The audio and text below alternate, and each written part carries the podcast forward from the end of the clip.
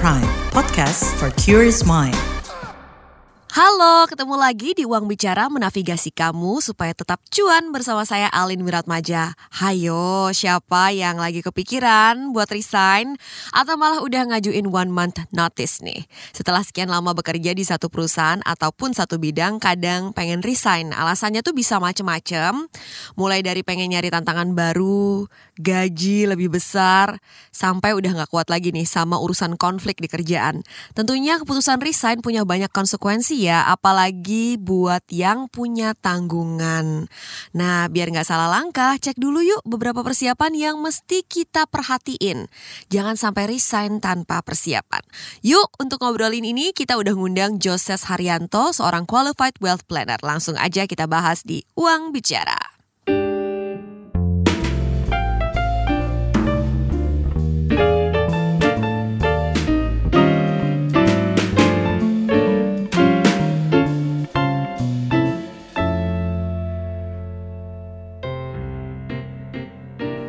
Teman-teman podcast Uang Bicara, kita ketemu lagi pada hari ini. Salah satu bahasan kita cukup menarik nih, karena kan banyak di antara kita yang suka bilang mau resign, mau resign, udah gak betah lagi di kantor, pengen jadi entrepreneur atau pengen pindah kantor aja atau gimana atau mau jadi self employed tapi nggak resign resign karena memang resign ini nggak boleh sembarangan ya kayaknya harus resign dengan persiapan. Langsung aja kita bakalan ngobrolin gimana sih persiapan keuangan sebelum resign bersama Joses Haryanto Qualified Wealth Planner.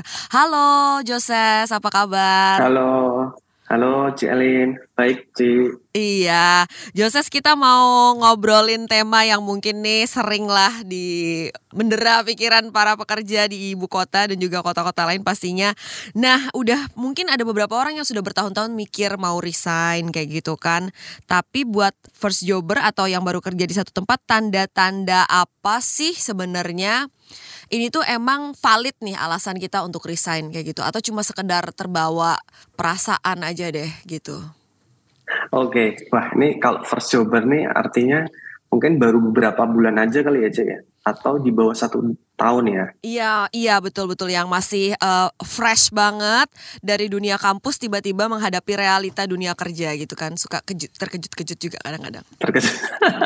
Oke, okay. sebenarnya kalau untuk first jobber sih untuk dia mengambil langkah untuk resign harusnya nggak mudah karena apa? Karena dia baru juga graduate hmm. gitu kan, baru kuliah terus baru lulus. Tapi kalaupun dia memang misalkan mau untuk resign, biasanya tuh aku lihatnya ada beberapa poin sih. Pertama, mungkin nggak cocok sama culture perusahaannya. Jadi kaget ya, yang tadinya mungkin dari awal kuliah ya, terus dia mungkin tidak suka berorganisasi, ya kan? Ataupun misalkan dia value-value-nya mungkin nggak relevan dengan yang ada di perusahaan itu. Mm -mm. Nah itu dia salah satunya itu yang bisa uh, kepikiran dia ingin resign. Kemudian kedua kesempatan untuk dia bertumbuh itu terbatas. Ya kita bisa bilang stuck lah sih. Mm -mm. Misal dia udah masuk tiga enam bulan tapi kok aku kayaknya rasanya nggak cocok ya. Itu dia merasa stuck dan kayaknya gini-gini aja. Meskipun sebenarnya masih baru ya. Mm-hmm. Kalau untuk first jobber harusnya masih belum bisa dinilai seperti itu. Mm-hmm. Nah, bisa juga karena kondisi kerjanya itu nggak sehat. Jadi mungkin dia ngerasa diisi oleh ya sorry itu saya misalkan toxic people. Mm-hmm. Jadi orang-orangnya mungkin gosip aja. Nah ini yang bikin dia mungkin gerah ya, Cik ya. Iya. Nah, Baik. Tiga hal itu yang perlu diperhatikan berarti untuk first jobber ya, culture shock yeah. mungkin terjadi, terus juga ruang untuk pertumbuhan, room to grow dan seberapa sehat sih lingkungan pekerjaannya kalau memang tiga kriteria itu kayaknya memang valid begitu ya mungkin bisa mempertimbangkan untuk resign. Nah, tapi kalau buat yang resign nih kita bicara dari sisi financial dan juga mungkin dari sisi career direction ya. Apa sih yang perlu dipersiapkan? Mungkin kita bahas untuk yang first jobber dulu ya yang belum ada tanggungan anak atau uh, pasangan dalam ikatan pernikahan kayak gitu itu dulu baru nanti buat pekerja yang emang udah ada tanggungan gitu.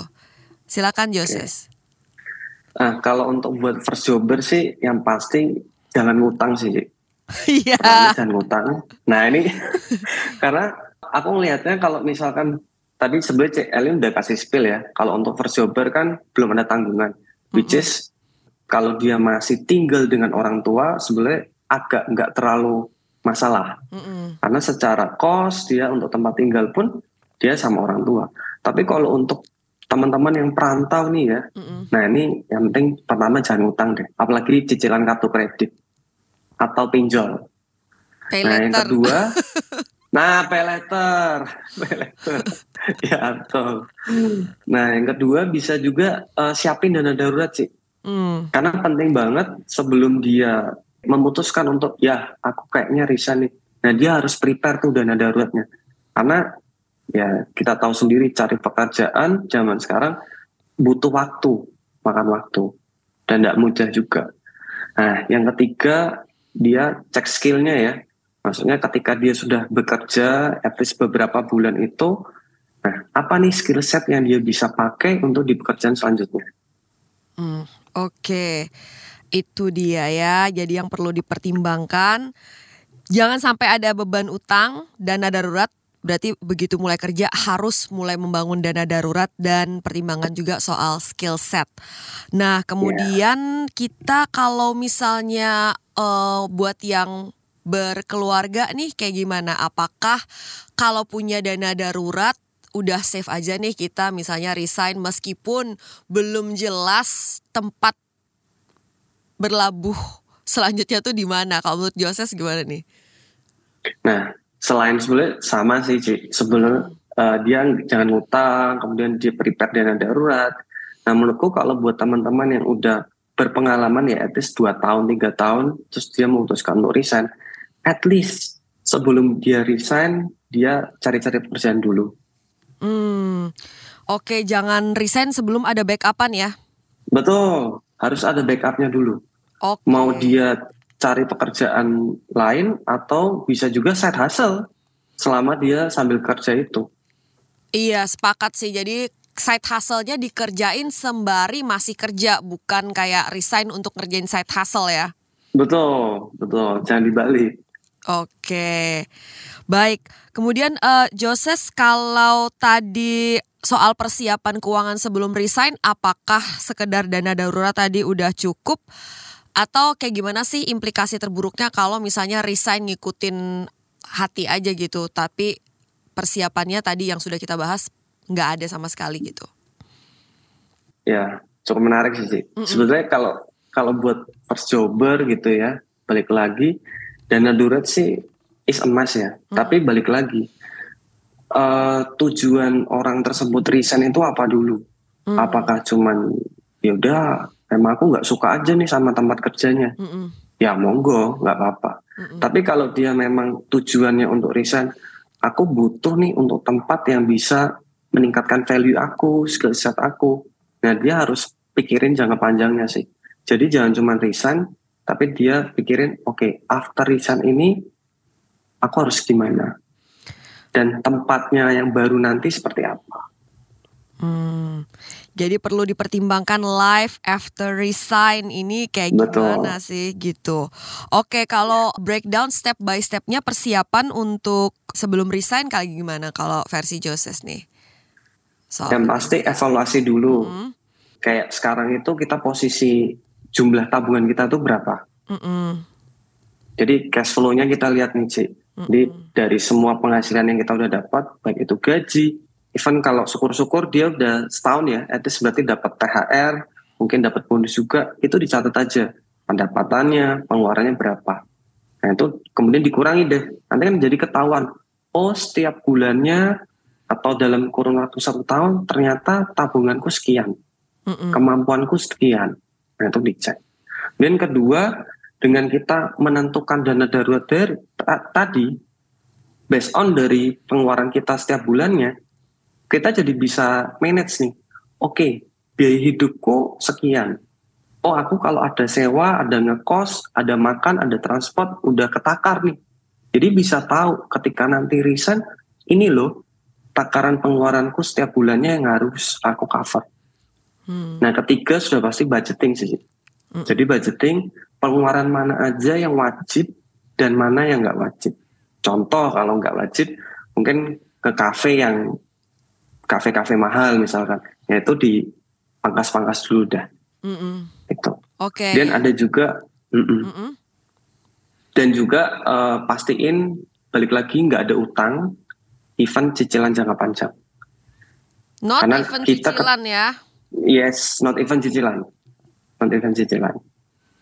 Baik, udah kita bahas berarti ini apa yang perlu dihindari mempersiapkan keuangan sebelum resign. Setelah tadi kita udah tahu step-stepnya apa aja, cek posisi tabungan, dana darurat, dan budgeting. Berarti kalau buat Joses hindari utang dan cicilan jangka panjang ya. Iya, Buat beberapa orang tuh mereka misalnya bertahan di tempat kerja yang buat mereka tuh sebenarnya udah enak banget, udah nggak ada tadi misalnya toxic, culture-nya nggak sehat, ruang pertumbuhan tuh nggak ada, gara-gara ada cicilan kayak gitu. Mau resign tapi nggak bisa gara-gara cicilan. betul. Eh, point of view kamu kayak gimana nih Joses? Nah, sebetulnya kadang tuh ada selingan-selingan ya dulu sama teman-teman. Justru harus nyicil nih. Kalau bisa cicilannya yang besar supaya kita semangat dalam bekerja. Menurutku keliru sih kayak gitu sih.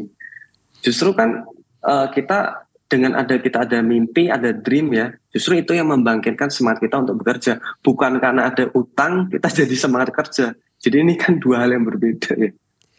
Bener, tapi mindset kayak gini tuh udah apa ya jadi common banget kan sering kita lihat tuh eh, konten-konten kan di sosial media ataupun platform eh, sharing video kan kayak gitu. Jadi sengaja ngambil cicilan yang gede gitu atau paling nggak mereka nganggap oh at least hasil kerja kerasnya ada bentuknya kayak gitu. Misalnya Betul. mobil atau rumah meskipun rumahnya nggak ditinggalin gitu. Gimana tuh Joses?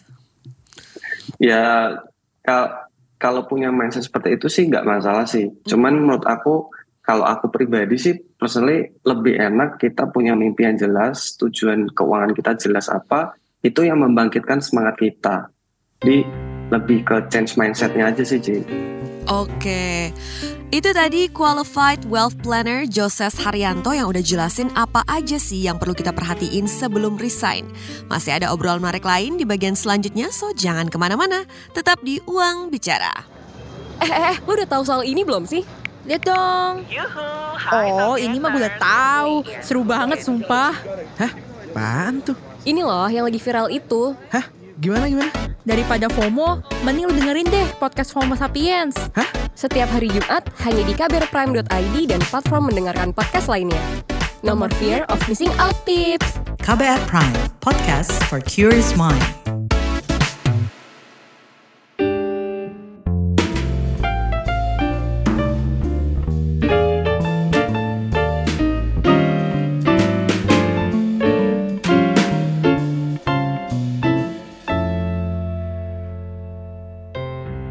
Kamu masih mendengarkan Uang Bicara menavigasi kamu supaya tetap cuan bersama saya Alin Wiratmaja.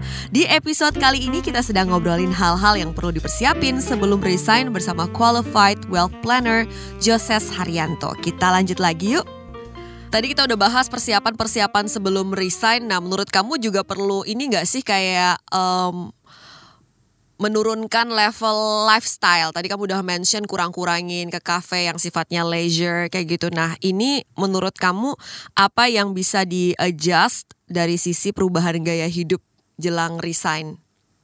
Nah, sebetulnya kalau balik lagi ke lifestyle, ya sebenarnya bisa dikurangi dari kayak misalkan cara kita suka ngopi.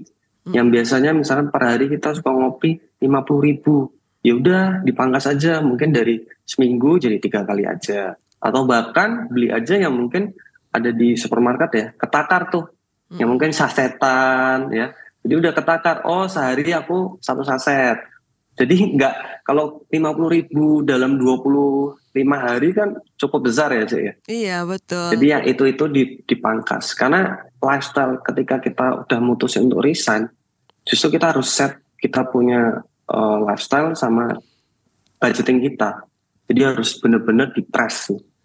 Mm-mm.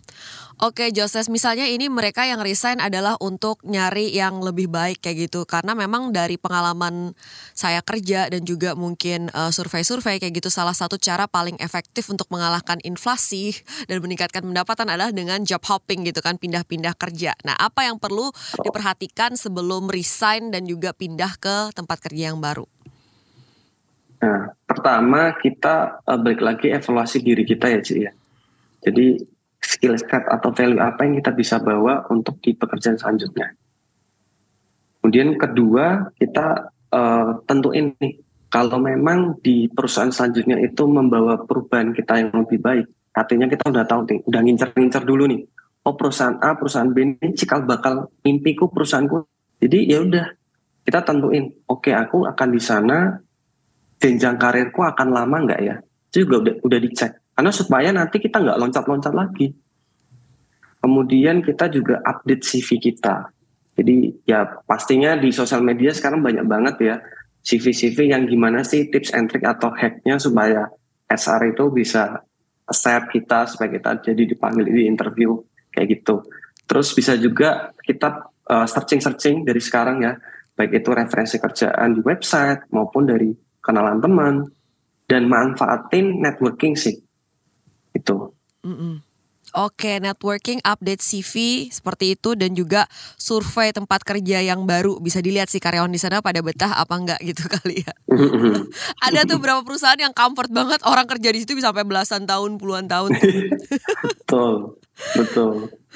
Baik, uh, kemudian nah soal employment gap time ini menurut kamu uh, yang ideal nggak bikin frustrasi itu berapa lama sih? Kemudian seandainya memang udah resign sebelum menemukan pekerjaan yang baru untuk kayak biar tetap happy, nggak frustrasi selama menantikan kabar dari tempat kerja yang baru tuh kayak gimana?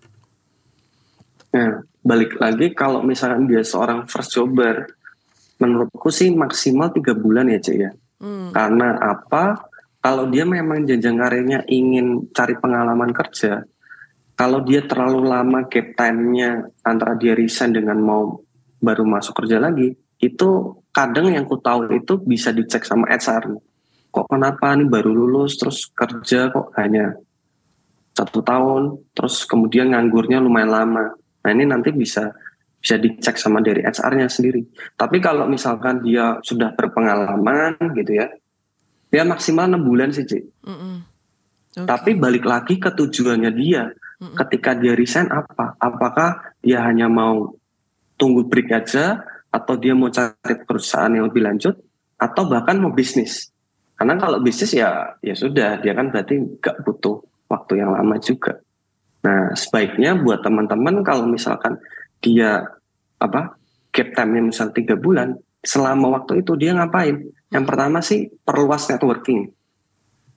Perluas networking dia, tingkatin lagi skill setnya, mm -hmm. terus bisa juga nyambi freelance ataupun side hustle, bisa juga dia explore dia punya hobi, ya sehingga dia ketika dia saat resign itu justru pemikiran-pemikiran ataupun ya apa ya behavior yang dulunya dia nggak sempat dia lakukan selama waktu kerja dia bisa dapetin waktu gap time selama dia resign itu.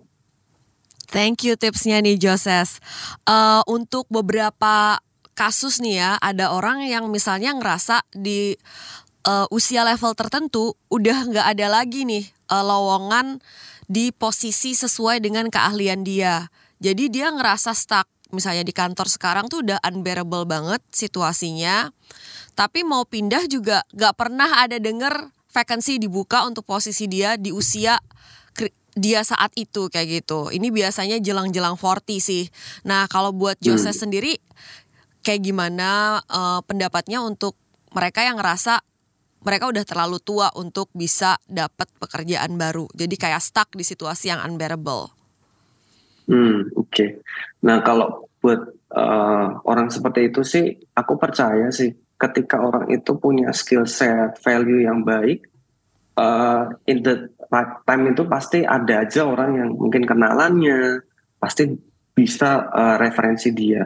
Karena ketika kita selama kita kerja, kita punya hubungan yang baik sama bos kita, kita punya hubungan baik sama peer to peer ataupun tim kita, kok ya aku percaya once nanti dia mau resign gitu ya, dia pasti bisa dapat kerjaan yang lebih baik sih. Even dia mungkin make a business gitu ya. Oke, jadi fokusnya adding value terus ya, ningkatin kualitas diri dan nilai diri ya. Jadi Iya. sehingga kita nggak harus ngalamin yang kayak gini. Baik, Eh Joses kemudian eh, untuk mereka yang sedang menimbang-nimbang resign nggak, resign nggak. Nah boleh dikasih considerations nggak plus minusnya? Eh, plusnya sih kalau untuk yang benar-benar mau resign ya, Mm-mm. Ketika resign itu pasti kita punya banyak waktu. Nah, di mana waktu itu kita bisa lakukan untuk refleksi diri kita selama kita kerja, kita ngapain, Mm-mm. kita sudah kontribusi apa terhadap perusahaan dan terhadap diri kita. Jadi aku mikirnya sih kalau kita kerja itu instead of untuk perusahaan sebenarnya untuk diri kita juga. Portofolio itu yang kita bangun terus menerus sampai ya sampai tua nanti gitu. Dan kita jadi bisa punya waktu untuk kita eksplor diri kita. Oh se sesampai sejauh mana sih kita challenge diri kita waktu kita dulu bekerja. Nah nanti nextnya kalau kita mau kerja lagi ataupun kita mau buka bisnis. Nah part-part mana yang tadinya mungkin bolong atau miss kita udah bisa tutup itu Ci, selama kita resign itu. Jadi contohnya kalau misalkan ekspor diri orang yang banyak banget kan orang yang kayak waktu kemarin pandemik pun dia resign gitu ya. Ya dia buka bisnis malah jadi lebih sukses gitu. Jadi ya resign pasti ada plusnya juga. Nah kalau minusnya, minusnya sih sudah pasti kehilangan active income. Mm-mm. Yang tadinya kita tahu setiap bulan kita pasti dapat segini gitu ya take home pay kita, tapi nggak ada. Dan proses cari pekerjaan itu pasti butuh waktu, butuh energi, dan pastinya mengubah rutinitas kita ya. Yang tadinya setiap pagi kita harus bangun, harus buru-buru mandi, harus buru-buru eh, kejar kereta, bus dan lain sebagainya, itu udah nggak ada. Jadi pasti itu yang akan hilang. Oke. Closing statementnya nih eh, Joses buat mereka yang lagi mau resign untuk persiapannya nih. Hmm, buat teman-teman yang consider untuk resign, eh, aku saranin jangan resign tanpa persiapan. Karena tanpa persiapan itu ya pasti nggak enak. Karena kita nggak tahu resiko di depan itu nanti seperti apa. Apalagi itu soal resiko finansial. Yang kedua, eh, teman-teman harus punya plan yang jelas. Jadi waktu kapan resign, kemudian perlu punya jaga hubungan yang baik terhadap bos kita, terhadap tim kita. Karena hubungan yang baik itu, aku percaya pasti itu modal kita ke depan nanti. Dan perluas networking, serta set hustle lah sebelum resign. Karena ketika nanti kita sudah resign, nah bisa jadi set hustle itu bahkan bisa lebih baik nilainya, value-nya daripada pekerjaan kita. Itu aja. Oke, Thank you, thank you so much Joses Haryanto untuk insights-nya. Semoga benar-benar bisa bermanfaat buat teman-teman yang saat ini sedang mempertimbangkan resign nggak, resign nggak, biar resignnya itu penuh persiapan dan kalaupun menjalani sesuatu yang baru, entah bekerja lagi, memulai bisnis atau menjadi self-employed itu kita bisa mendapatkan kualitas hidup yang lebih baik. Terima kasih Joses Haryanto, sehat dan Thank sukses you, selalu. Thank Sehat you udah mampir ke Thank podcast. Uang Bicara. Bye. Ya, bye. Itu tadi Qualified Wealth Planner Joses Haryanto. Di episode ini kita udah ngobrolin soal checklist persiapan keuangan sebelum resign. Semoga episode ini bermanfaat buat kamu-kamu yang lagi kepengen resign ya. Nah, kalau kalian punya kritik, saran, dan masukan ide keren seputar keuangan dan ekonomi yang mau dibahas, jangan lupa email ke podcast at kbrprime.id dengan subjeknya Uang Bicara. Saya Alin Wiratmaja pamit, jangan lupa dengerin terus Uang Bicara menavigasi kamu supaya tetap cuan setiap Kamis di KBR Prime, Spotify, Apple Podcast, dan platform mendengarkan podcast lainnya. Bye-bye!